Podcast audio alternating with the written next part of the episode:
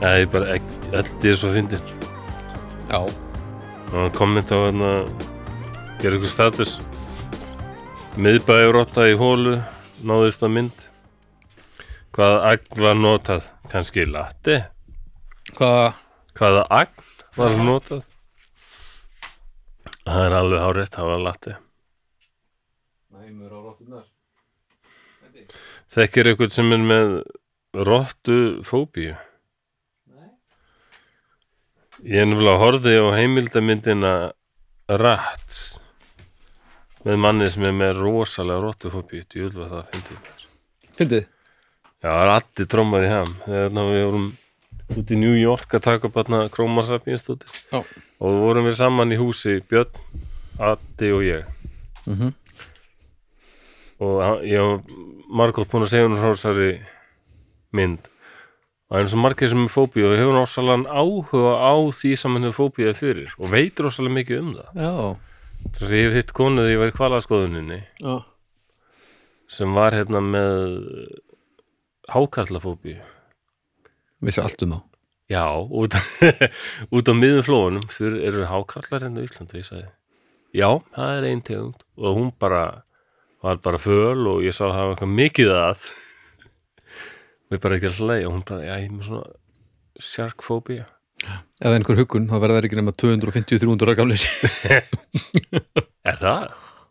Já, verða þær ekki Granats, drullin Já, ég sagði henni að þeir, það veri ekki til neitt dæmi skrásett bara hennilega frá stofnun, frá landnámi um að þeir hafi sko ráðist á menn, þeir bara Nei.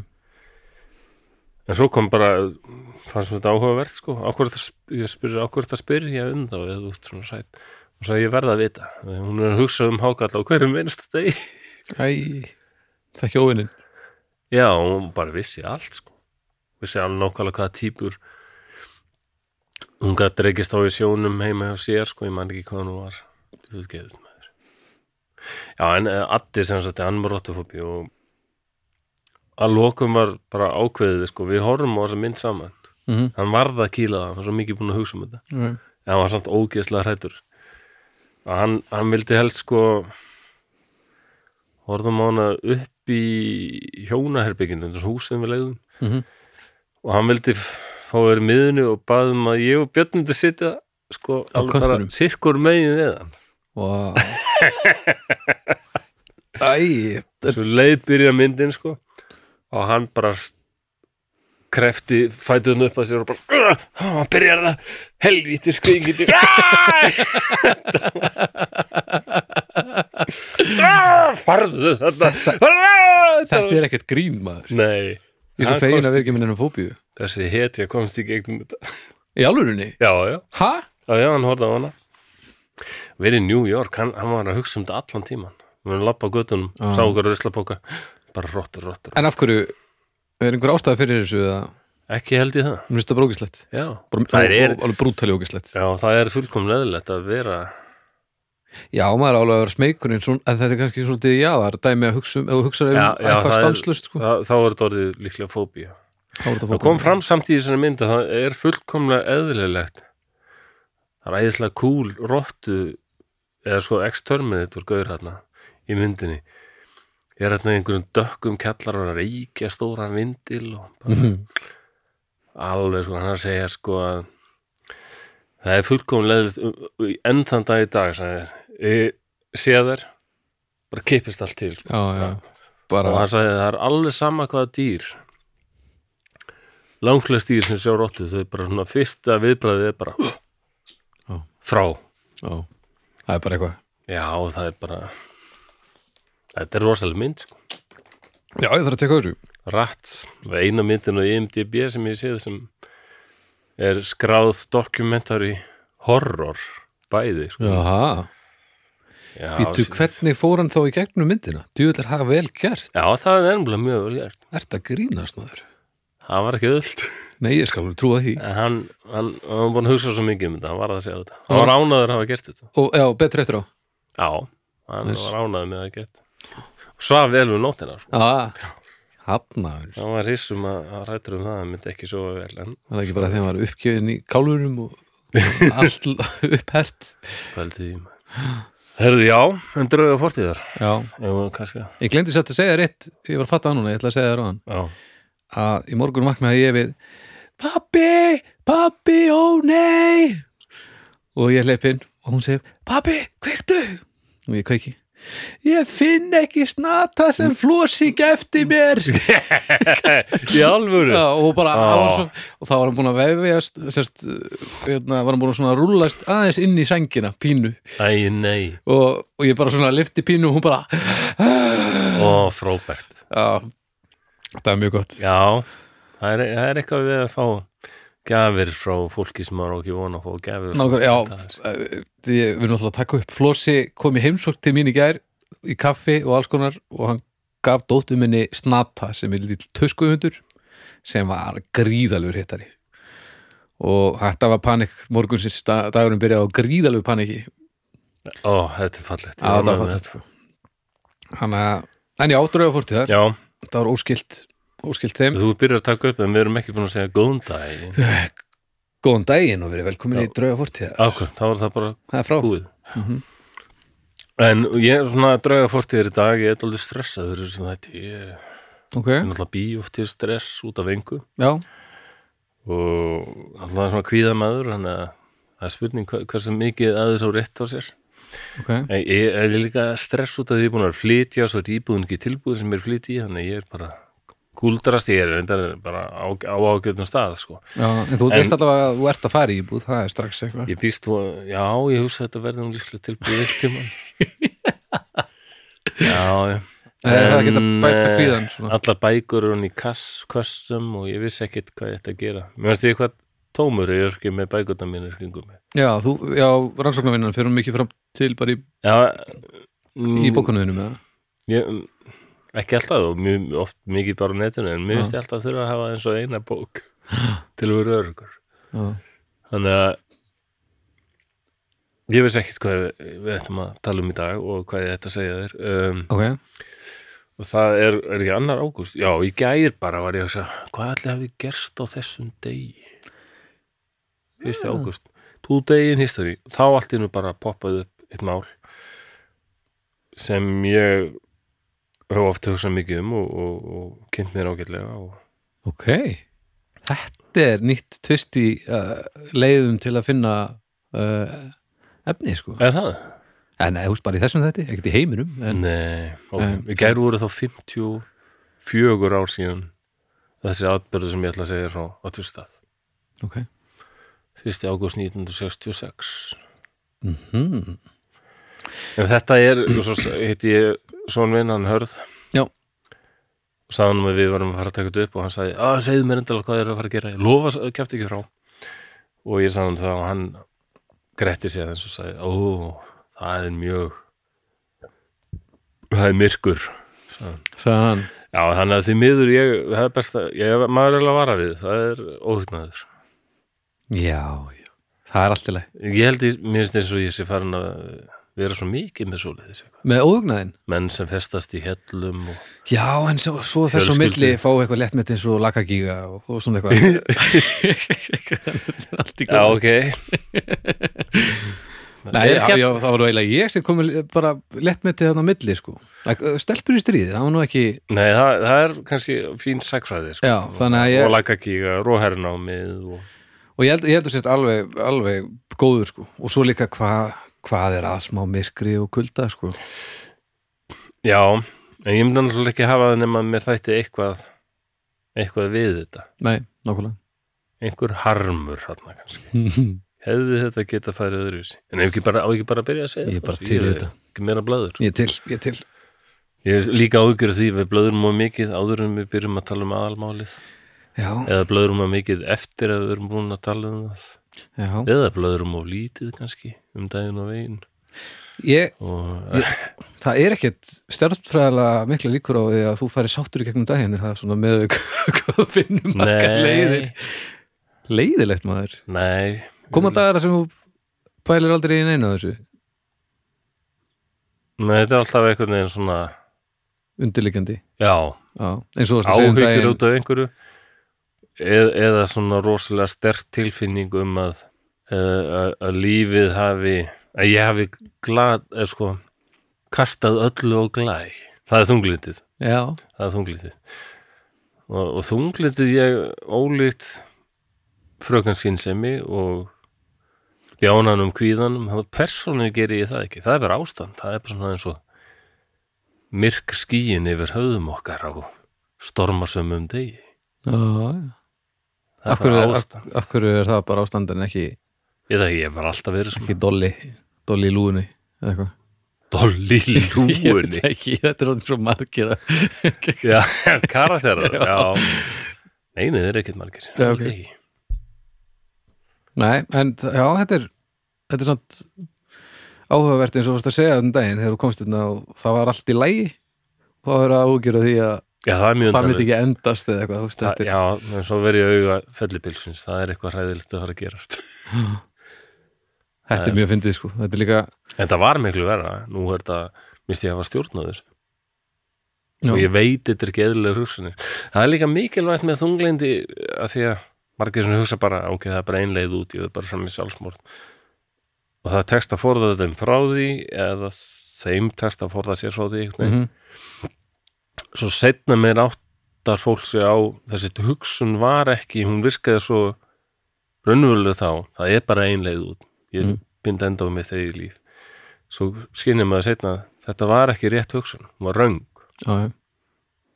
og Ég- það að takast ákvörðun hefði ekki verið rétt já, það er alltaf óhutnarlegt sko. þetta er ég tengja þessu þetta áður en ég byrjaði á aðeinspressliðunum mm, þá laðist maður á kottan og ætlaði að fara að sofa og allt fór, var náttúrulega bara miljón eins og venulega og Mm. maður var bara búin að kortleggja allt og komin eitthvað og maður var komin að þangað eitthvað lengst út í eitthvað og bara farin að hafa ágjur af öllu sem að geti mögulega gest já, já.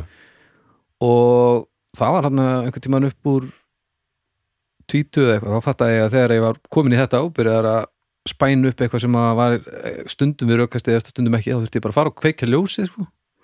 þá bara sá ég heiminn, sá ég herbyggið og þá þurrkaðist ég litt upp burt þess, öll þessi uppbygging af þessu, mál, þessu ástandi sem ég var búin að búa til með þetta eitthvað sensur þeir Nei, Þess, þá var maður búin að hugsa sér svo langt út fyrir raunveruleikan að um leiðum maður sá hann aftur að því maður liggur bara með, með lokuð augunum maður er búin að mikla eitthvað fyrir sér svo um leiðum maður kveikir ljósin, sér bara hann er stóllin og hann er rúmið og þetta meikar ekkert sens nú fyrir ég bara að sofa, wow mjög fyndið tjóðli aðið þátt ég kólgeðveikt Já, en ég fór í bústæðan daginn já, og það geti verið að það sem fólk segir með allir sem eru farið í svona hérna, jóka og, og, og svona hvað heitir þetta? Íhugun, liftingar íhugun og það allt saman. einhverf íhun þetta er eitthvað svona, já, bara, bara eh, hva- hvað heitir þetta? hugleiðsla. Hugleiðsla. Eh, eftir langan dag, ég var einmitt vann hérna, stelpur í stríði við hljóðmyndina þennan dag já. og svo búin að stelpa hann fullu og við fórum að hoppa og eitthvað og, og ég endaði einhvern veginn eitt í pottinum og vinnum minn úsmann færi með bjór í pottin og ég leggst svona aftur og það er eiginlega gott veður og svona horfið upp í skíin og svo rankaði ég við mér hálfri mínútu síðar og þá hafði ég bara svona hort á skíin og ekkert fór í gegnum hausin á mér í svona, já, 20 sekundur, hálfa myndu það er bara ekki gerst í fleiri ár það sem að bara var svona algjör raun þögn wow. og þá fattaði ég bara, heyrðu þetta þetta er mögulega bara hægt, já, já, já. að því að að þetta, þetta var alveg fucked up, sko, Mm hann er svona aðeins svona að pæla það er rosalega ólíkt mér að vera farin að pæla í einhverju svona hulislu eitthvað, eitthvað nei, nei. kannski hefði maður heldur gott að því, sko ég held það og þetta er kannski bara kannski það maður bara hætta uh, bara draga hausinn út úr raskatunum sér einu sinni og drullast til þess að prófa eitthvað sem að geti það stóðum mann sko Já, algjörlega Jóka er aðeinslegt sko, ég hef verið í því Það ég fíla það Ég ætla að fara aftur í það Já, það er ákveðið hér og nú Kemstu í stöðu barsins? Nei, Svona ég gamall. er ógeðslega styrður en það er bara Mm. Þetta jókastúdíu sem ég fór í sko, þar var stór mynd af þessum guði sem er blár og með tvo- fjórar hendur Já, hérna sí, sí, sí, Síva, Visnú, Visnú viss, Nei, ég held að Síva sé Er það ra- eh, er grimmur fyllinn?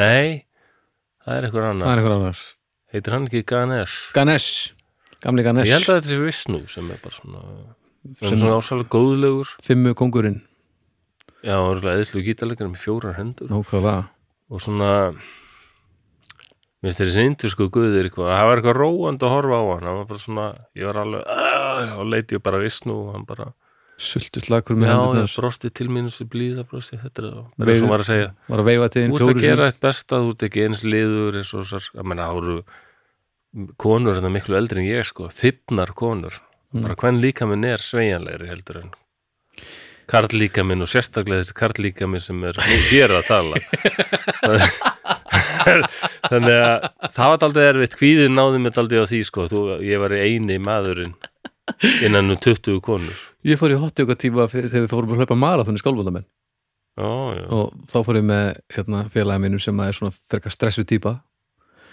og, og þarna er ég ekki einu sinni byrjar á lefinum en hann er miklu svona stressaður í öllu bara alveg á fullu og ég fann að þegar, að- þegar þetta byrjaði, jókatíminn hann fór ólinn í þetta og ég líka sko og ég var betri en ég þorði að vona en þetta var ógæstlega erfitt um, en svo fann ég bara hvernig svona þrútnaði andrúsloftið í kringum hann er þessi, ma ah, okay. er þessi maður í hljómsveitinni? nei, Nei, ok, og það var bara svona þrútnaði andrúsloftið í kringum hann þegar hann var vanur að vera alltaf bara fullu og alltaf svona gaga á og svo bara, bara færist það í aukana, svo er bara tíminn búinn og þá segir hérna, svo sem var að stjórna tímanum, jæja, og nú er bara slökuna tími og þá má bara tala saman látt og eitthvað, bara um leið og hún sagði jæja, nú er slökuna tími, þá bara jæja, þá bara, bara svona brast stíplan og Nei. all, öll uppsafna spennan bara svona það var brútalt Vá maður Mér finnst ég, ég upplýði svo ofsalega þægilega líðan eftir jókatíma já, En svo maður hefði svona reynd á að losa um vöðva sem aldrei er eitthvað verið að reyfa Nei, ég gat ekkert í jóka sko. Nei, og Ég er bara, bara eins svo og- er eitthvað andlegt líka Það er eitthvað, ég dýrka það já, maður Já, þarf já. bara já, þetta er, þetta er alltaf áhugavert sko. Ok, krakkar, þá erið það. Ekki fyrir mér sjálfsmórð og farið í jóka. en herðu, e- ef við ekki bara gera okkur, verðum við að vinda okkur í þetta, Bara þó gera fyrr hefði verið. okkur, setja okkur í stellingar, þetta verður myrkur þáttur, best að vara við, getur óhugnaður, komið inn á geðhilsu, slæmar hugsanir, en líka þá pælingu að hefði þetta geta færið öðruvísi.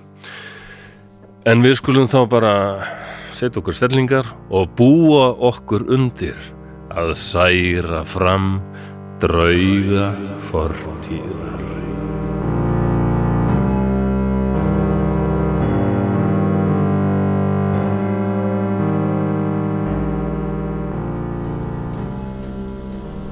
Nú er nóg komið.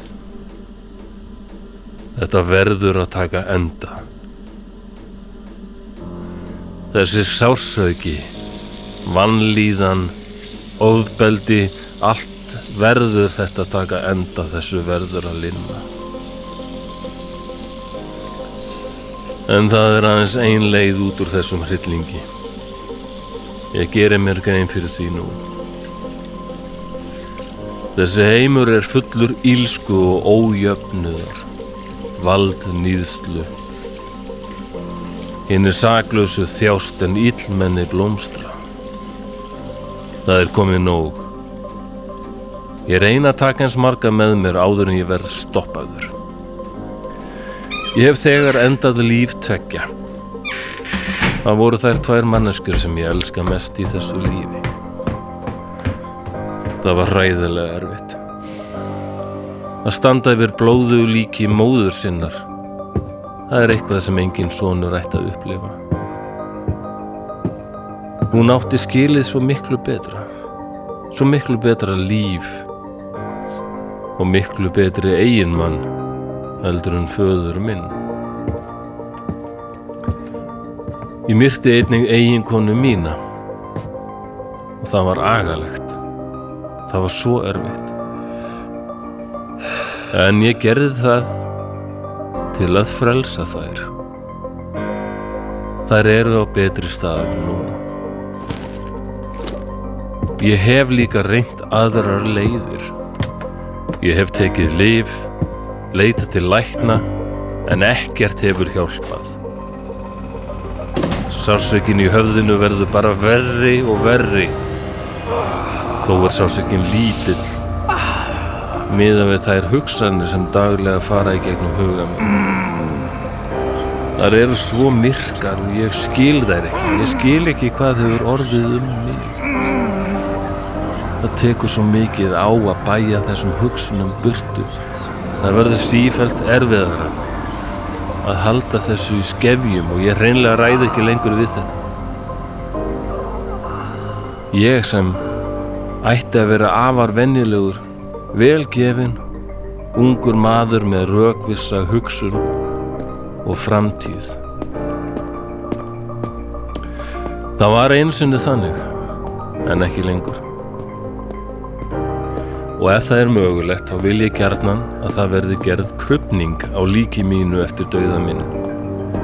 Til að kanna hvort það sé einhver skýring, líffræðileg, á þessum endalösu höfuðverkjum og hræðilegu hugsun. Ef eitthvað fjö er til eftir minn dauða, þá vil ég að það renni til samtaka sem rannsaka geðheilsu. Ég vonað frekari rannsóknir og fræðsla geti stöðað svona harmleiki í framtíðinni. Umsjónarkonan í skólanum, hún trúði sögu minni um að ég var í viðgerðamadur, svo ég komst alveg óáreittur upp í turnin Þar voru reyndar fyrir tveir ferðamenn í skoðunarferð og ég varðað myrða þau. Annar maður byrtist einni upp í útsýnispallunum. Ég varð að taka hans líf en nú geti snúið mér að verkefninu.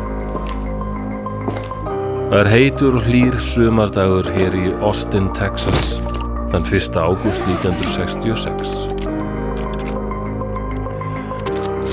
Ég munda riffilinn, sé strax lítinn dreng á hjóli. Hann er eflust ekki nema 7-8 ára gamall. Það er algjörlega fullkomið. Nú er spurning hvort ég sé orðin reyðgæður. Hann er jú á ferðinni, erfitt skotmark. Ég kíki í gegnum miðið, athuga vindáttina, hraða skotmarks. Dregaði mér andan, anda frá mér, Hleypi af. Hann þeytist af hjólinu og liggur hreyfingalus. Fullkomið skot. Þessi drengur var saklaus. Hann fer til himna. Hann verður ekki svo eini.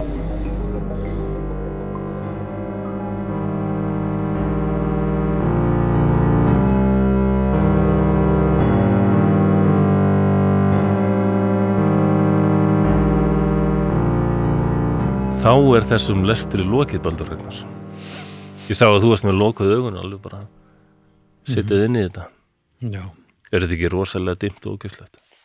jú þetta er það, en þetta er náttúrulega mjög áhugavert líka Veistu hvað þetta er? sko, ég veit ekki hvað, hvað, hvort er kallað eitthvað annað en bara Austin School Shootings eitthvað, Jú, Texas Sniper stundum og Texas Sniper maðurinn upp í turninum. já, þetta er í rauninni sko eitt af þessum málum sem að ég þekki lítið sem ekkert en er orðin holdgerfingur fyrir svo margt í þessum geira Já, oft er þess kemur fyrir já. Simpsons og Er Það, Já, það sem að hver er það ekki Principal Skinner sem er komin upp í turnin í skólanum sínum að skjóta á alla bartana eða eitthvað, einhvern veit martröð sem hann er að fá hvað ég hef ekki séð það. Nei, það er, hann er, þú veist og margar bíómyndir sem að rosalega margar bíómyndir sem að uh, hafa farið yfir Já. í það að senda leyniskitt upp í turn Jú, jú. uh, og það er bara beint tekið frá þessu en í rauninni þekki ekki málinn þess að vel sko. Nei, við höfum náttúrulega leini skittu upp, í, upp á hæð, það er náttúrulega Lee Harvey Oswald og hérna, John F. Kennedy, það er... Já, það eru nú ekki allir sammálaðir með það vinur. Nei, Ha. nei, ég veit það Hvað Alls, með- Ég er fullu grunnsenda líka þar En Lee Harvey Oswald og þessi maður sem ég var að uh, kynna okkur fyrir Charles Whitman Mm. Já. Jr. Þeir eiga þó eitt sammeilegt Þeir voru rosalega góðar skiptur Já. og hvar lærðu þeir að skjóta svona vel? Var ekki full metal jacket sko og minnist hann held ég á brjálaði liðsfóringin eða er ykkur upp á það sem minnist hann á Léru Jórsvald, Charles Whitman bara æðislega skittur hvað lærðu þeir að sk- skjóta? US Marines þeir eru báðir landgönguleðar sko. mm. um, Já, það er svo líka öðru sér Líhafri Osvald hafi verist verið meira svona, hann var assassin, sko. Bara, hann var, bara leigumorðingi Eða, já, sem hann sagt, var, að, flu, Svona, hvað kallast þetta? hann var með eitthvað agenda, Já. hann var að myrða ákveðið mann Já. og örgulega út af ykkur ákveðinu. Já, já, já En Charles Whitman er bara brjálæði, sko. Það Já. er alveg, það var bara skauta á hvert sem var. bara, já, En, en sko, ég hef áður talað um það hér. Eh, Ég hef ekki dvolega gaman af kannski ráðmorðingjum eða morðingjum eða eitthvað svona. vel valið efnið þá ég, en það verður að vera eitthvað sérstætt Já. ég verður að hafa kannski pingu samúð með þeim eða þessi, einhvern skilning á, já, þessi hugsun ekki skilning á hvað þið gerðu heldur skilningun á af hverju eitthvað ge- mögulega gerist og það þarf að vera áhugavert menn já og svona ef eitthvað hefði verið gert öðruvísi hefði mátt komið í veg fyrir nákvæmlega þetta og ég er samferður um það með hann Charles Whitman mm. það hefði verið hægt, ég held það ok, það er allt sem bendir til þess ok, ég til í þetta En sko, ég fekk rosa áhuga samt á svona rað, raðmór, raðmóringjum og svona þessum, þessum myrka heimi því ég sá heimildamynd ég er bara svona tvítugur Mhm. 88, 9 sem heitir Killing of America ok, hún er daldið kalt, held ég hún er frá 1981 ég hef ekki séð hana Nei, hún er á YouTube hún er á YouTube, Já, það er, það er til dæmis linkur Charles Whitman og okay.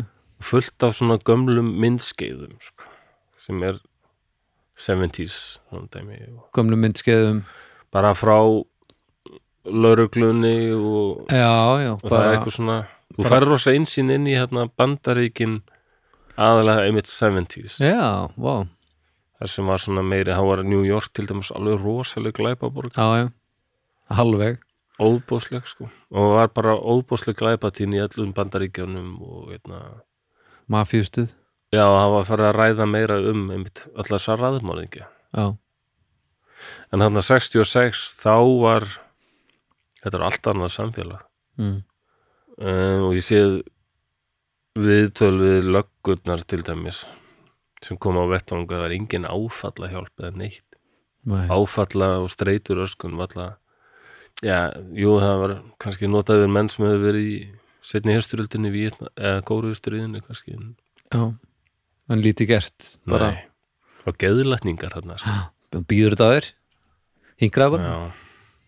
En þetta sem ég var að lesa Mm. Jú, ég kannski ekki ég aðeins svona farið í stílin en mikið af því sem ég var að lesa það er hans eigin orð ok, eins og þegar hann segir frá því sko að þegar hann myrti hann byrjar á því að um nóttina hann myrðir móður sína mhm og, og eiginkonu sína og hann skrifar um það að það fannst honum ekki öðvöld því að hann virkilega elskaði þær En það var ekkert fram að þessu mómenti þá var hann ekkert búin að vera eitthvað var hann búin að vera að hugsa um þetta í svolítinn tíma Já, ég, það, það bendir allt í þess sko Ok, og hann var búinn að honum hefði li- liðið mjög illa af lengi Svo, já, Charles Whitman hann fættur 1941 Mhm.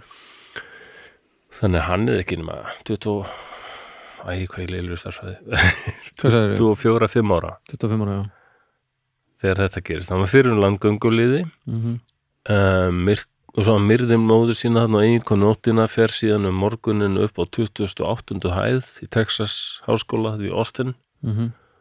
og byrjar bara að skjóta skotriðin hún stóð yfir í já, svona, rúmar 90 mínútur sem er eiginlega 90 mínútur já, pældi því og það er fyrst eftir 90 mínútur sem tvær löggur bara eru mættar hann upp á skjótan Hefði, myndi það gerist í dag?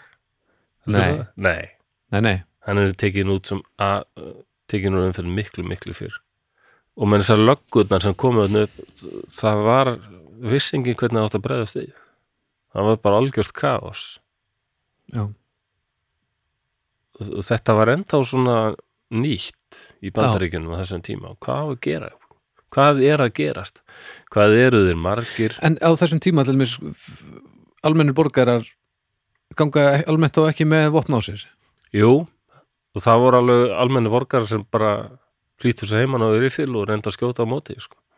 Já, já. en hérna hann er náttúrulega einn hann upp á törnunum Já. engi veit og hann stilti setti upp byssur eða hverju horni þannig að hann skaut Gætt stokkið á milli já, hann skaut kannski á norðaustur horninu svo hljópa hann allt innu og s- byrjaði að skjóta á hinu horninu þannig að fyrstu sinn vissuður ekkit hvað þetta væri margir og hvort það var búið að setja booby traps, sprengjur eða Já, eitthvað svo liðis já. og Ó. endan er bara tveir gaurar eða sem bara bara ákveða bara að vera að gera eitthvað og bara að fara hann upp Láta bara vaða já, Einn og hálfu tími, þú vil það samt það er mikið hérna. rosalega maður. langt Mér finnst það alveg ótrúlegt nákvæmlega 96 mínútur hundur 96 Anskotin Já hann hérna, Það er bara Hann særði Þetta Home mjög- Alone sé svipalung Eitt ha Þetta Home Alone 1 sé svipalung Precis. Nei, ég mér að bældi því og Nei, þetta allavega. var næstu því ósmekklegt Ó, eða ekki? Nei, ég bara var að gefa minni kynslu viðmiði sem það þurfti og hérna já, hann hann draf 16 manns í þessar árás á, árás sko en, en svo er ein manneskja sem lést löngu setna af já, af sárum sem hún af, af vegna áverka okay. og hann, hann slasaði mjög marga og örkumlaði Já. og einmitt þessi drengur sem ég var að lýsa hann draf hann bara sjö ára gamalt barn á hjóli ófriska konu en það er svo já, þetta er mjög óhugnarlegt en s- 16-17 manns það þykir kannski ekki mikið með við ég maður ekki hvað þið drápum mikið hérna í Columbine en, en Nei, 20-30 já, en þarna er þetta daldið svona nýtt en þá sko nákvæmlega og ég hef ekki mikla samúð með þessum strákum í Columbine þá áttur að þeir þeim leiður alveg illa þá einhvern veginn ég hef aldrei Nei. fundið til ykkur svona Þetta er svolítið, það er svo Eða- erfitt að pinpointa sko, hvenar er styrlun að eiga sér stað, hvenar er þetta afvegaleitur populismi hvenar ertu að reyna að vera ægilega svalur já, uh, og þykjast vera með eitthvað brjálaða agenda en þú Einmitt. ert fyrst og fremst að vera svalur og komast í hóp svölu krakkana sem skutalla það er náttúrulega fokkin Já. óþólandi sko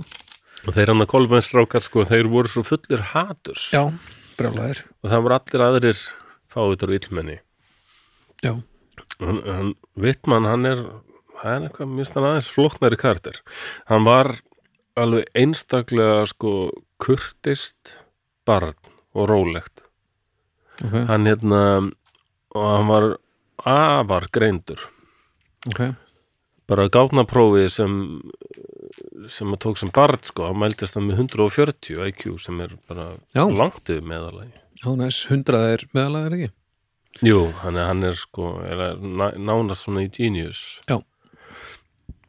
Og það var gáfurnar benda til þess að hann hefði getað bara lært hvað sem var Ok, og hann var- stemdi á arkitektúr eða verkfræði eitthvað svo liðis já, Nú, hann kemur frá já, svona eiginlega óbeldisfullu ströngu heimili mm.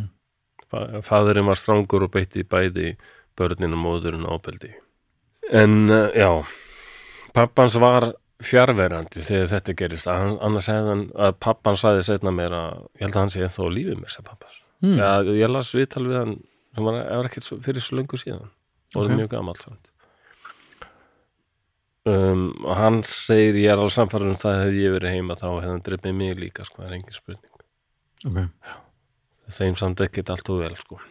nei Pappi segir líka að hann er bara þessi maður sem fór hann upp og var að skjóta þetta var ekkit Charlie sko þetta var, Nei, þetta var ekkit hann Nei. það var eitthvað annað það gefur sér eitthvað já, það- við komum að því, það var ímislegt sko Ok. um, strax um 12 ára þá voru hann orðin mjög góður píanuleikari Já, og pappans hérna var mikið svona skotfæra kall Mm. og fór með strákin kemd honum að skjóta Mm. og pappan sagði bara þegar hann var orðin 12 ára þá gat hann eiginlega bara skoti í íkortna 100 myndar að færi og bara hitt beint á myndu augnana eitthvað já, já, eitthvað svona Texas karlmennska í þessu eitthvað svona, yeah. já, nákvæmlega Já, bara svona basically það sem hann ákvað að taka sér fyrir hendur hann neldan hver er hann hann að Okkar- Vittmann já.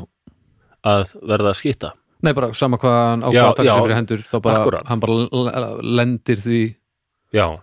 Já. það finnst mér einmitt eitthvað sorglegt við það, hann greinlega bara gat gert allt sem hann tók sér fyrir hendur Já. hann gat það gert mjög vel Já. hann gengur í, svo gengur hann í landgöngulið eitthvað sem pappans var mjög ósáttur við ok, og hann er í- hérna í Marins og, hvað vildi hann og, bara halda ofbildun á heimilinu sem sagt? já, eitthvað hann er, færi allavega vildi ekki að hann færi he- herinn Nei. Það var mjög reyður út af því sko, Já. enda kom ég veg fyrir það. Já, ok, Ég Fylgir ekki sögur, hann var svona opbáslega stjórnsamur maður, Já. pappin, sko. Og hann gengur í landgöngu liðið og, og stendur sér bara ágætlega og sérstaklega sem sko skitta, hann bara skorar eiginlega herra en nokkur aðrir Já. þar. En það virðist vera upp úr svona 20 ára aldri, þá fer að fara að vera eitthvað breytingar á honum. Hann fer að, hún fer að líða verð, hann fer að finna fyrir hausverkjum sem ágerast og það er svo hugsanendan fara að vera myrkar og myrkari ok og vinnir að segja að hann var mjög vel liðin sko, hann var aldrei svona bara rólegur en hann átti ko- til sérstaklega upp, úr- upp úr tvítu að koma með svona aldrei drungaleg komment hmm. og einn vinnur að segja að hann hafi einhvern tímann hafi verið- þeir verið að keira framhjá Austin Háskóla mörgum árum áður og hann segir Charles þetta, vá ef maður verið hérna upp að skjóta maður geti tekið marga út sko áður en þeir myndu ná manni hann segir það allavega Já, heldur það að segja eitthvað til í þessu? já, ég held það nefnilega vegna þess að Charles sko hann fór til dæmis til geðalækna hann reynd eins og hann, ég las þarna í byrjunin hann reyndi sko, Já, ég var að tala af lækni það er eitthvað mikið að ok hann fyrir til margra lækna meðal hann skeðalæknis háskólas það er nú svo fáránlegt sko. það er alveg hérna og löggan talaði við hennar geðalækni hérna, já, og hann kom til þín eftir, eftir þetta sko Já. já, nú er búin að kæfta því náttúrulega að löggan náði að dreipa hann á endanum en hérna, hann fyrir til geðalæknis háskólas mér finnst þetta svo magnað, magnað og löggan spyr hérna geðalæknin hvernig var hann í, í þessu viðtali? Já, hann þetta er lýsum sannir segja geðlættirinn hann var uh, fullur heftar og reyði og hann lýsti hugsunum sínum þær varu mjög myrkar og snerust aðalega um óðbeldi og morð og til dæmis hafði hann, uh, var hann með sífældar hugsunir um að fara upp í háhýsi og skjóta á fólk á jörðunir já, Ha?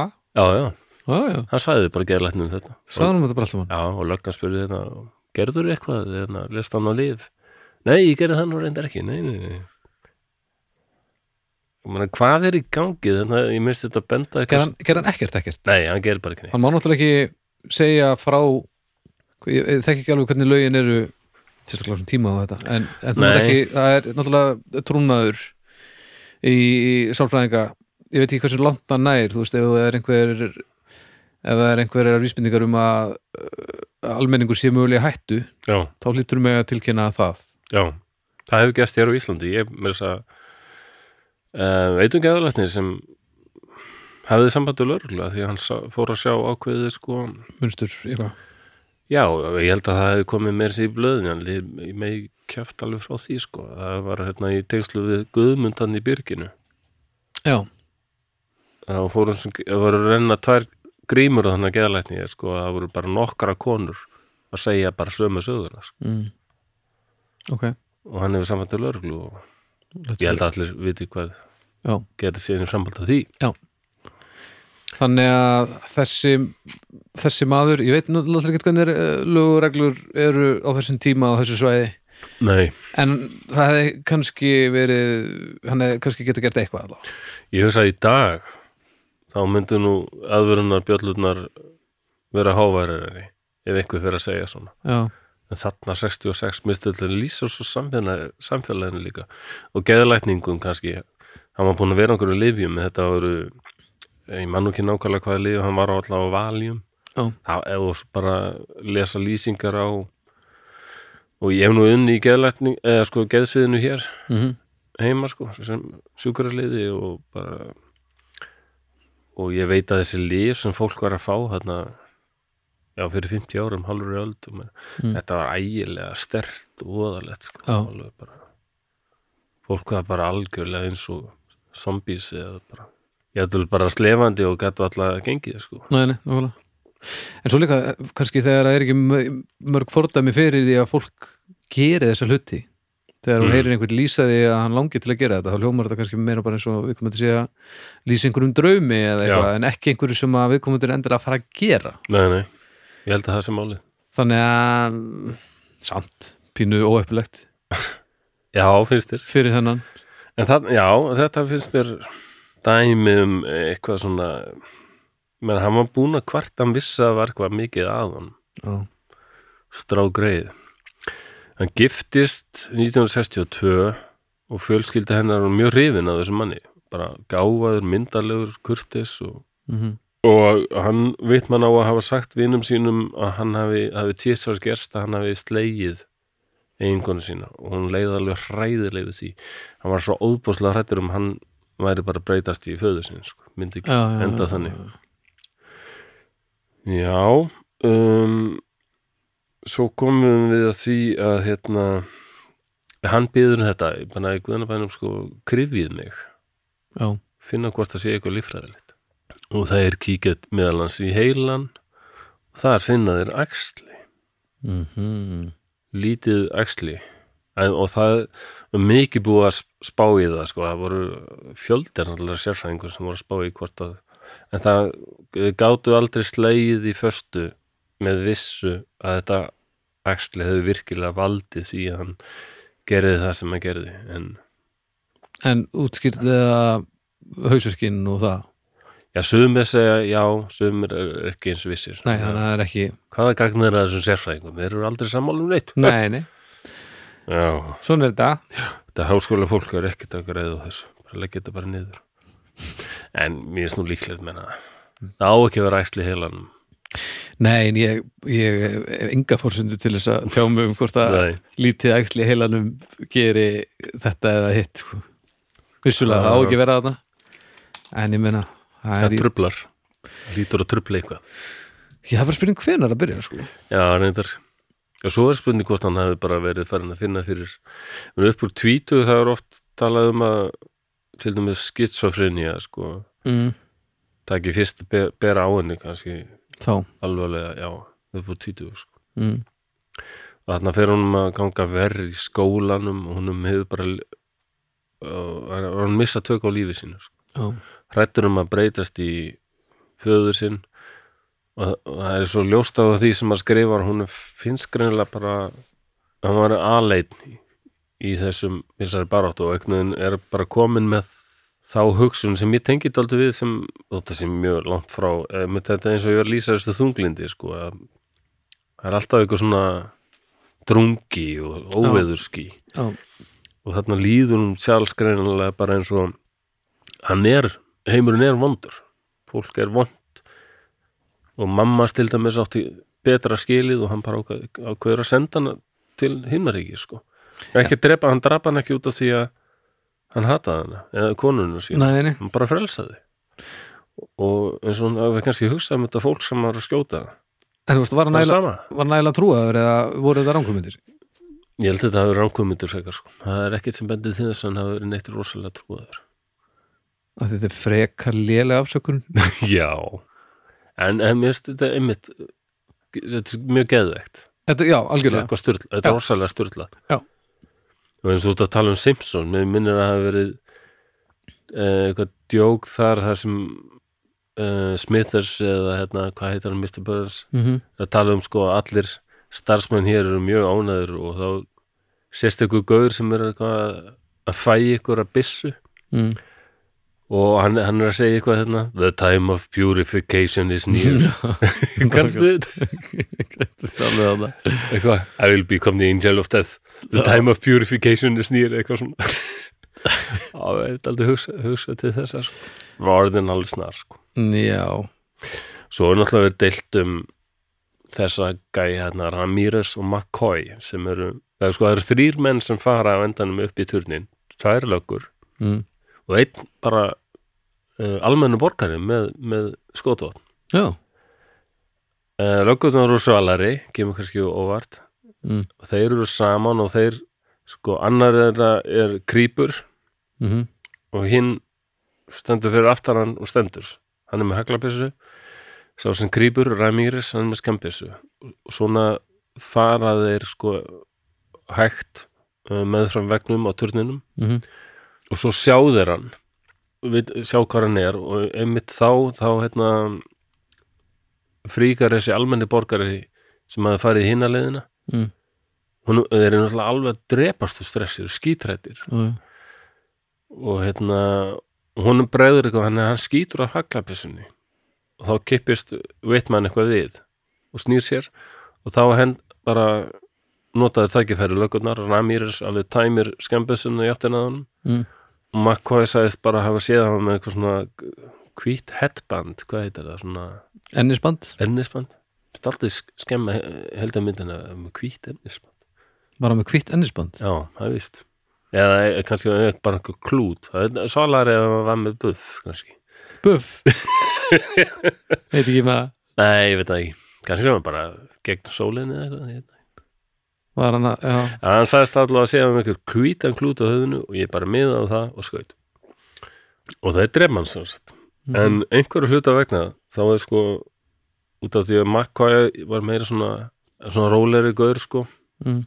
var hann meira, sem, meira svona hann út hverfari einstaklingur sko ok, döðuldar með að tala við frettamenn og blaðamenn ok þannig að hann er aldrei gerður hetjan sko Já, og eins og fjölmiðlar og svo setna bara lögreglega hann á ákveði sko að það hefur kúlutnar frá Ramírez sem, sem dráp hann og í endan það í dag er einhver bara Ramírez dagur í Austin sko já, já og McCoy bara þjóðist af áfallað streyturöskun og gerist alkoholisti og flutti burt og hætti löggunni og Já, já. og er dáinn í dag sko.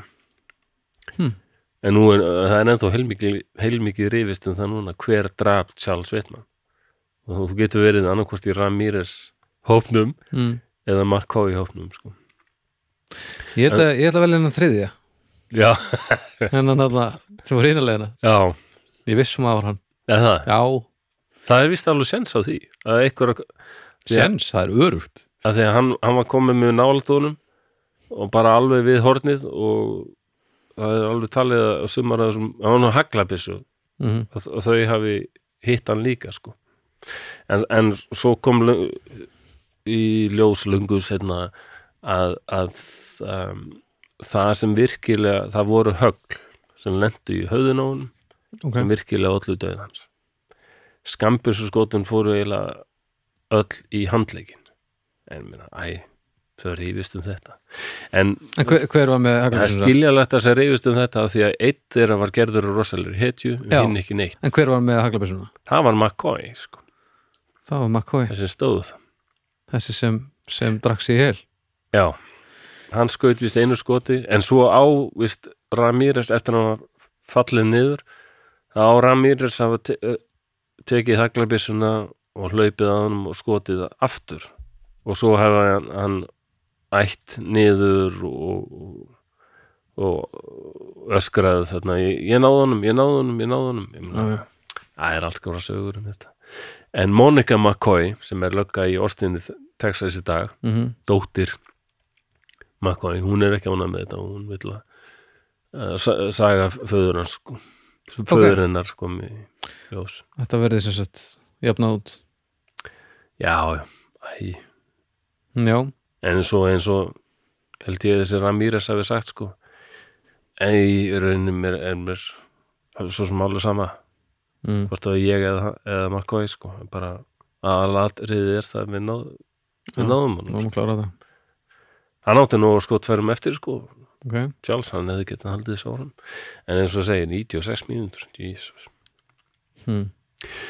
já, þetta en meira er ég nú ekki með en ég, er svona, ég hef alltaf mér, svona eftir alveg síðan ég sá Killing of America sem er alveg rosalega mynd hún hafði mikil áhrif á mig já Hendum henni inn á umræðgrúpuna já, hún er á YouTube nú Já, og hérna en það hefur frekar fyrst mér eiginlega að hlutirnir hafið batnað þegar ég horfa á Killing of America ég horfði á hann um daginn ok, bara amerísk samfélag og bara allstaðar Já. það hefur skána við erum á réttri leið og ef við lítum á tölfræðina ólæsi hefur aldrei verið minna í og hérna barnadauði og þetta mm -hmm.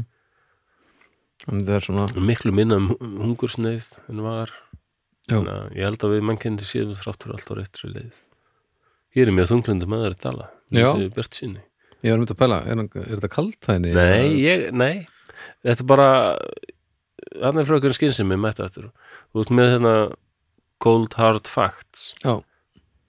Það er tölfræðinni bara Hörðu og kold og bara þetta er í rauninni svona Hún er hlýð bjart sinni þunglindisjúklingsins er bara aðeins minna af hörmungum Já, svo veit ég náttúrulega að þunglindi er sjúkdómur Já. Það er ekki raunveruleikin ah, Alveg eins og Charles greið Hann var ekki lengur í raunveruleikun Þetta var bara já. heilinu honum var on, En og sem sjálf þjakaður og kvalinn og þetta er búin að vera svona í mörg ára kannski ekki skrítið að þú sér bara alveg hann myrðir þær tvær kvöldið áður eða hvað Já, um nóttina bara. um nóttina Svo fer hann hann um morgunin, morgunin bara, já, já. þannig þetta er ekki nema bara frá því að, að sn- að eitthvað gefur sig endanlega þá er þetta bara hálfu sóluningur með öllu eða eitthvað, Já, vi- Já, eða minna um mitt. Það verðist vera, ég held að hann hefur eflaust verið búin að hugsa um þetta heilingi. Margt, ímislega sem bendir til þess. Þess Shit, að man. hann segir geðalætnin frá þessu og vinur hann segir hann hefði minnst á þetta og, og bara konan, eða sko konan hans á að hafa sagt einhverju vinum að hún hefði eins og komið á hann og þá var hann bara að lemja haus, höfðinu vekkin.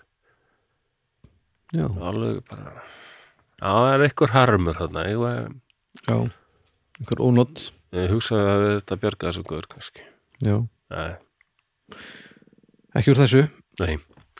En já, já, það er nóg að setja inn á umræðuhópin. Mynd, þessi mynd og, og svo er tölvist af við tölum við Ramírez og McCoy og svona. ok, Já, já. já já, Það er nóg. áhugavert Já, er það ekki? jú, og ég Nú fór er að ég pæla- enn einu sinni ógeðslega stressaður yfir og þetta eru ömurlegt efni sem ég er búin að velja og bara, þetta er ekkert nema myrkur og hryllingur og ræðilegt.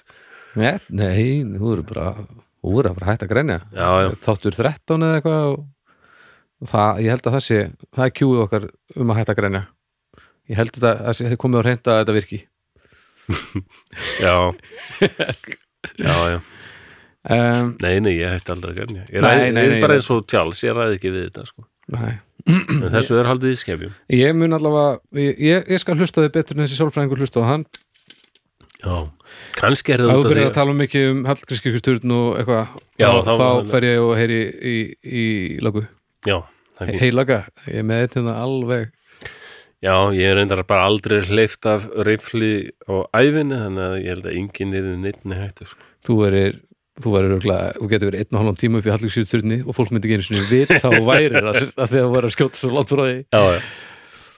Nákvæmlega. uh, Eh, veistu hvort að áttu sem einhverjas breytingar stað í kjölfærið af þessu eða var þetta bara svona eitt bara svona hlutur sem poppaði upp og hafði ekkert verið að gerast og gerðist ekkert aftur í bráð Ég veit ekki nákvæmlega hvort það eru beint breytingur út af þessu, en það er stundum talað um þetta sem svona uh, fyrsta svona alvöru svona mass shooting, það sem Já. bara uh, verð- verður svona meiri umræð um það og þetta var mjög sjokkerandi fyrir bandarist samfélag á sínum tíma. já, þannig að þetta er svona atbyrjun sem Já, stimplar kannski bara hugtækið og bara já, og bara atbyrðin inn í, í vitund fólks og það er eins og í þessari heimildamindana Killing of America þá er talað til dæmis um JFK og svo hann, Charles Whitman mm. svo morðið á Robert Kennedy Mm og svo bara allir þessi raðmorðingar hérna 9, 8. áratugar sko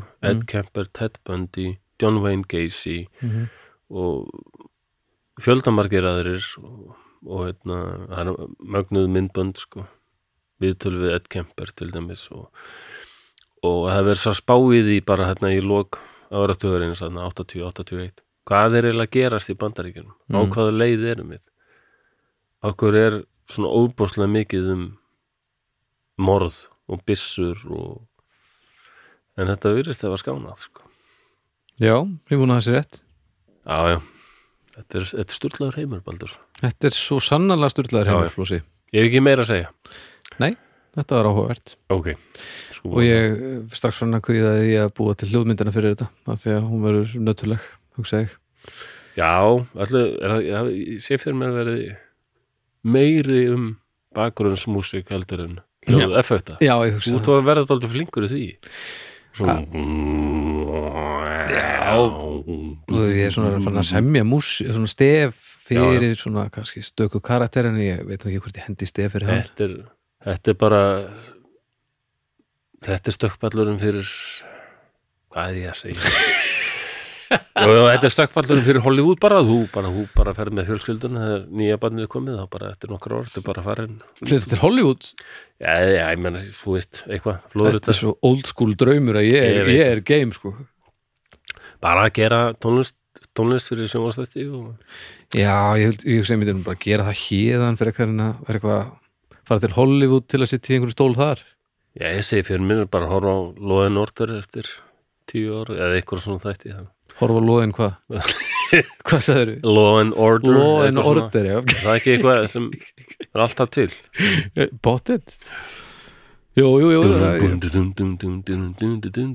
Sjáðu, þetta er alls ekki loðin order það er gong, gong, gong þetta segðu, þú veist þetta já, já, Ég hef ekki hugmynd um þetta Þú þekktir takkart í þætti um daginn sem já, ég, bara, já ég var bara að stengla með þessu Já. Mér varst þetta eiginlega aldrei skemmtilegt sko. Hæ?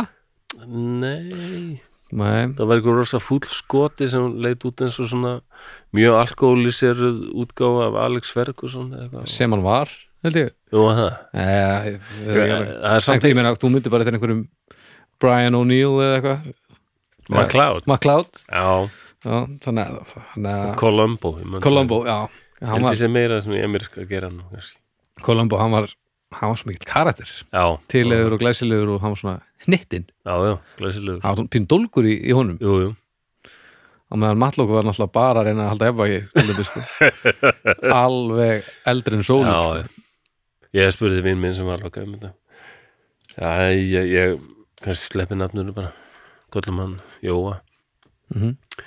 já, Jóa heldur ég væri nú ekki alveg ógeðslega flott lögga nei, það held ég ekki ógeðslega brútal, ég er bara mjög sár hvað, í alvöru nei, ég, nei flósi, ég, ég held þú væri bara mjög á- bara lé, hreinlega lélegur lögreglumæður ég var alveg eðalagur já. Já, en mér finnst hann bara að vera með dýr stæla þannig ég s- sagði ekki meir En svo sagði hann eftir nokkra mýtur reyndar þá er eitt við þig sem er rosalega stór kostur en maður allar að lögga eitt sem getur nýst þér rosalega vel sem þú hefur Mm. Hvað heldur hann hafi verið að tala um? Uh, hægri krókurinn Nei, það er fyrirbæri sem hérna, þú hefur nú oft minnst á Það var- tunglitið, Nei, nei, er að röddinn það er röddin Já, sjálfsögðu, já, ég- að sjálfsögðu, maður hlustar á þig og þú getur sagt manni ég það mannarskýt og maður myndi, maður myndi íhuga það. Varst þú ekki að fara að þú trættunur? Nákvæmlega, nákvæmlega. Ég sit hérna kyrr og ég fekk pínu svona, Ég vona að þú sérst með aukurskristinni, annars sérstu í vandum málum. Getur fengið sjá skráningarskristinni líka. út með ævintýra. Þú þurftir eiginlega að vera, að vera hægt að vera svona, svona bara útvarslöka. eða eitthvað. Það var ekki ekki. Útaslöka. Já, Já, svona þú ringir í eitthvað og bara, já, já, vinur. já, já. Ég var alltaf reyður ú- út af þessu. Að ég sagði Baldri stóra bróðum minnum frá þessu hérna, þarna. Þannig að þeirra, að jú, ég sagði, ég geti verið ömlu löggamæður. Pældi í dónaskapnum. Og Baldur sagði bara, þetta er bara hárétt hjá honum. Já, Þú væri vonlaus lögga. Á hverju segir þetta, stóri bróðir? Hva, hvað er það? Því að þú er svona lögga sem hérna, myndir með stopp einhvern mann og segja hérna, herru, varst þú ekki að fara fullt rætt? Og þá segir hverjum bara, nei, ég er alveg eðlur hrað. Þá myndir flósið að segja, nú er það það. Ég er nú held að þú hafi verið að keira fullt rætt. Nei, nei, nei. Ég var bara 92 mér, sko, það er ekkert. Nú, ég er nokkuð sem að þú hafi verið hérna á 102 En já, ok, þú segist að vera 95 þá bara, þá er það ekki lengra ég held þér rétt. Er það rétt? Ég held Nei, að, djúð er þið leiðir ég held að þú erir ekkert speslöka. Nei, Þú erðir svona Já, þú erðir svona kallar út á, á, á eldröðum dögum þegar, að, uh, þegar allir hinnir vildu verið frí já, já En ég meina, þú veist, við getum ekki öll verið góð lögga, þú veist Það mætti kannski gera svona bíómynd um svona eins og Sýran og Döbörsi Rags eins og um einhver, einhver löggu sem er ógeðslega góður, Mm. góð lögga Mm. Nefna að hann tala svona Æ, æ, æ. Þannig að hann verður alltaf að hafa vinn sinn með sér sem er þá leikinu mér sem sagt sko Já, sem tala fyrir hann sem er Já. ógeðslega góður í Hann er alltaf með svona einhver svona tæki á sér sko Já, þannig að hann tekist bara að tala þannig að þá er ég hérna í leini alltaf í bílnum eða eitthvað Já, ertu með aukurskristinni? en Sýndu mér aukurskristinni núna Þú þarna í aftursætunum, hefðu þið hægan þá verður hann einhvern veginn að koma að skilabóðum til þín hvað hann ætlar að segja áður en þú, af því að þú mátt ekki bara fara á, síðan strax í eitthvað ó, var það, ó, fyrir geðu Já, já Þetta er flókið mál maður Er það eru alveg sérfræðingar í kveipindagerð sem kunna að díla við þannig Það er alveg- vandamál. það er alveg svona búktalara slags Já, já, slags góða lögur sko. já, það er örgulega hægt. Ég, meina, það, þetta, ég er að tala um bíómynd, sko. Nei, út að tala um, já, ég held að vera að tala um lífinu Nei. Já, nei, nei, já, það það er bíó. falltar- það er falltar mikið sko. Þú veist eins og Sýran út af Berserak sem að ljótur með ósvalega langt nef. mm. Hann er ósvalega ástangin og konu, hann reynir ekki við hana út af því að hann veit að hann, hann, húnum verður hafnað. Já, Svo verður er sko ungur fallegu maður sem verður ósvalega hrifin af þessar konu, Mm. en hann er lúði Mm. og hann kann ekki að reyna við konur. Þannig að Sýran og leiðbyr hún, Já. hún hvað hann á að segja, sko. já, já, já. Mér dætti hug, þetta getur verið svona svip já. En nei, er ég líklega komin í ógöngar Ég held að þetta er meira svona, bara svona sínu júl, hýrnu júl nema meira sorglegt en fyndið Æ, ok En ég meina, það má finna gleðina í hörmulösi stöðum Já, já En ok, nei, mér langar ekki að vera löggur Nei, ég, ég sko ég er líka léli lögga En af okkur tveimur þá, mynd, ég myndi hún hafa því í löggi held ég Já, mér langar að verða uh, Þegar ég var lítill Mér langaði með að verða skriðdreka ögumæður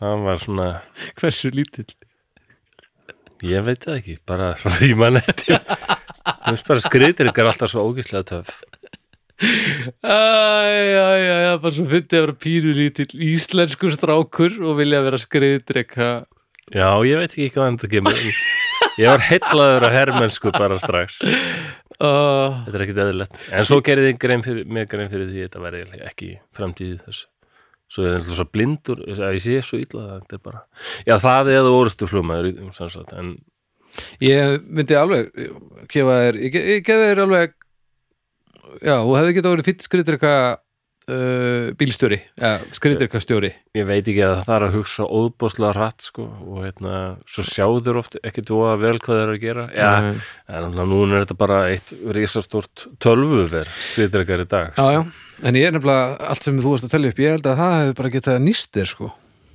bara fá ekki ómikið af upplýsingum Já, það myndur bara akta sko getur verið sko Ég veit ekki hvernig við komumst hingað í umræðinu samt, Nei, þetta er kannski verið alltaf mikið blaður sko. En þú, þú köttar og ég fer með þetta á, sker á snirtinguna All right Þegar maður segir þetta ágætt Ég held það bara Ok, um, Ég ætla að minnast á hljóðkirkjuna Æ, já, þú ættar að gera það í byrjun Ég veit að ég mani þetta aldrei Gleymir Ég, þessu ég, ég, ég sagði þér um daginn Hérna, á mánudum síðastinn mánudag, þá var það dómstagur Bara uh, rólega, bara seg- Mánudagur, Við stundum eins og þú segir frá Ó, á mánudum, já þá tónstæður já og, eh, og svo er það snabbt verið að tala fór Bara ró, Já, tilgjörna Allt í lagi, eh, ég skal bara Ég Ef ég- ætla aðeins að flosa mig upp hérna og Nei, ekki, ó, Ó, við þú skulum. ekki að fólk er að gera ég er ekkert Þykjast verið að tala með minni röddur að þykjast vera að tala með minni röddu Ljóma bara eins og ykkur orkur úr Lord of the Rings eða eitthvað Fróðó, Já, það er til að rétta mér skriðdrekan uh, Á fyrir utan mánudum það að ég held með orkunum í Lord of the Rings þessir hobbitar og ógeðslegir Hæ? Þetta eru leiðilegir maður Hobbitar? Já, þetta eru leiðileg kvikindi Nei, nei, Orkan slakir eru flottir maður Orkarnir samt Þú veist Svona le leiðilegir í hóp sko Já, ég veit ekki þetta er svona einhliða lýsingana í þessum myndum það hafa bara gengið út frá því að Sauron og orkarnir væri vondir og hinir væri góðir og við fengum ekkert að fá alveg sko sjónarhorn orkana á þessum heimi sko Þú Hvaða- höf- átt við ef að ef að sá sem gerði þessa heimildamynd hefði verið úrúkæi Já, þá hefði nú tónnin verið annar ég held hann alveg ég og við skil, höfum kannski fengið aðra sín á þessa hobbit og ég reyndi að setja mig svona í spór orkana og sá það bara, jú, þessi hobbit eru ógeisli Já.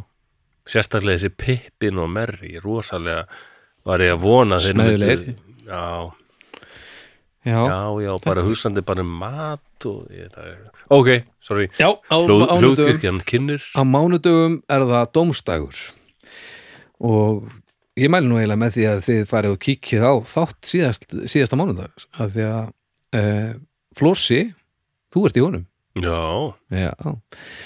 Þar sem að hann haukur viðar, uh, þetta er sem sagt ég haukur viðar Alfredsson og Birna Pétursdóttir og við erum að ræða hinn og þessi mál, en haukur viðar, hann fór í ferðalag á vestfyrðið um daginn og allt sem bara heitir ferðalag er útiföllur fyrir hauki. mhm Nefna hvað, hann hélt dagbók og fl- við fengum hann flosa til þess að lesa fyrstu dagbókar færslu Hugs og hún var sem sé spiluð í síðasta þætti hann að þið geti nota tækifærið og tekkað á dómstegi og um leið heyrt þessa mjúku uh, og segðandi skriður eitthvað rödd sem þið þekkið og elskið Aha.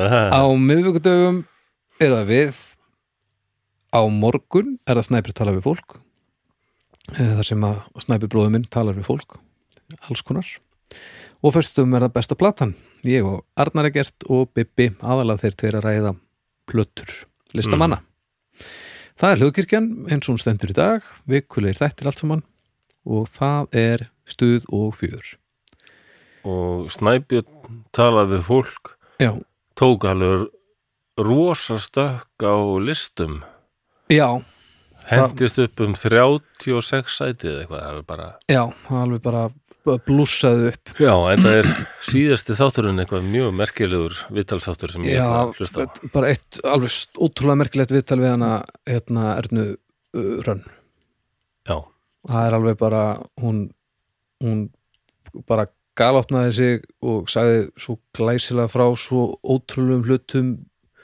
skelfilegum og þetta- þetta er bara stórmerkilegt viðtal æðislegt, ég ætla að hlusta á það Já, þetta er bara algjörlega þetta er ótrúlegt viðtal og bara magnaða að þetta hafi gerst Já, og, og svona eins og þetta gerðist þannig að ég mæli með að fólk tekka því algjörlega bara mindblowing dót Eh, Já.